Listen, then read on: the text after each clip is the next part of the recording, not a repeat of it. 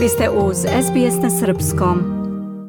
Slušate SBS radio na Srpskom. Ja sam Biljana Ristić. Ostanite sa nama. Australija je objavila plan za održavanje referenduma o glasu autohtonih naroda pri parlamentu.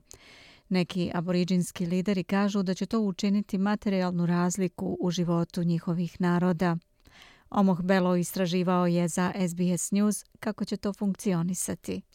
U naredne tri godine Australija bi trebalo da održi prvi referendum posle 23 godine na kojem će se građani izjašnjavati o glasu starosedelaca pri parlamentu.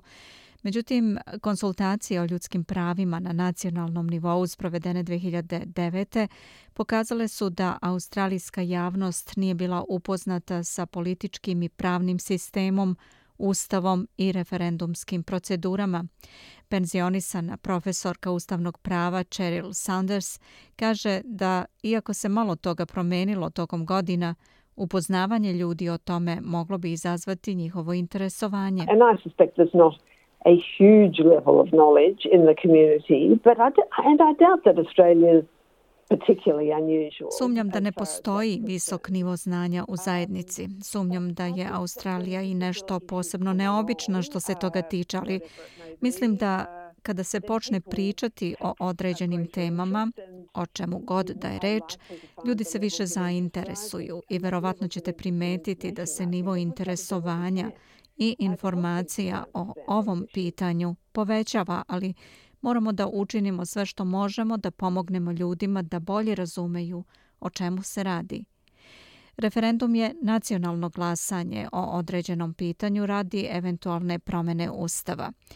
Glasanje je obavezno baš kao i na saveznim izborima, a ljudi tokom referenduma moraju da se slažu ili ne slažu sa predlogom, zakonom ili političkim problemom koji je iznela savezna vlada.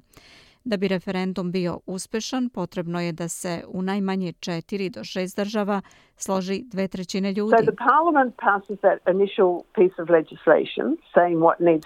Parlament usvaja inicijalni zakon kojim se definiše šta treba promeniti, odnosno šta parlamentarci misle da treba promeniti, a onda se održava referendum.